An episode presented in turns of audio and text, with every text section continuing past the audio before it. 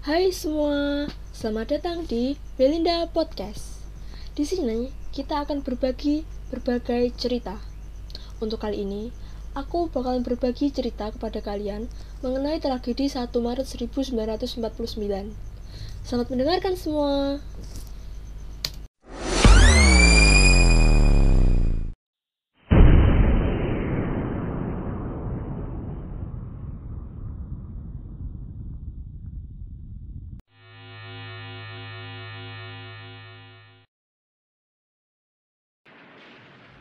Pada 1 Maret 1949, berlangsung serangan serentak besar-besaran di wilayah Yogyakarta dan sekitarnya. Saat itu, Yogyakarta merupakan ibu kota negara Indonesia. Perpindahan ibu kota negara dari Jakarta ke Yogyakarta juga diikuti oleh serangan dari sekutu. Peristiwa itu dikenal dengan agresi militer Belanda kedua.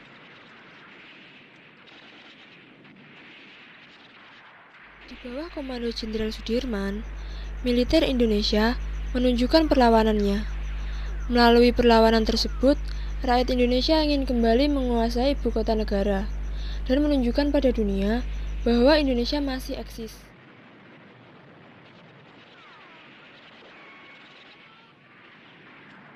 Pada pagi itu, sirine keras berbunyi di segala penjuru kota, dan serangan mulai dilancarkan.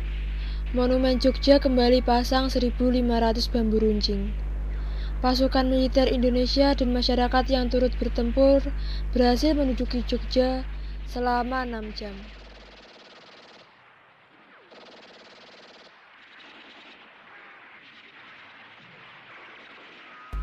Sebenarnya, pihak militer tak senang dengan kedatangan Belanda ke Yogyakarta.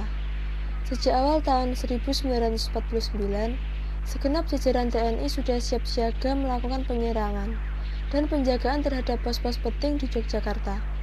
Pasukan ini terdiri dari batalion dan diperkuat oleh satuan-satuan genil.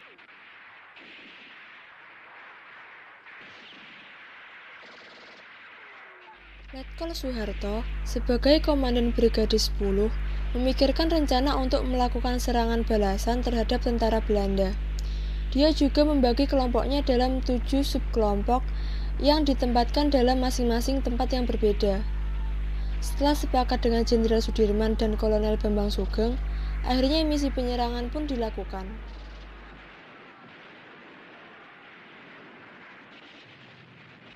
Serangan berdampak luas sehingga cepat diketahui oleh dunia.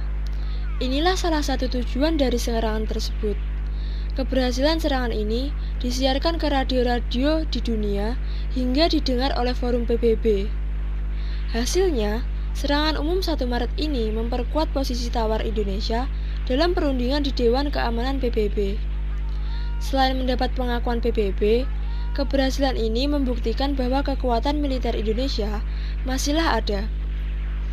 Walau tak secara langsung, Serangan ini memberi dampak pada penyerahan kedaulatan RI pada 27 Desember 1949.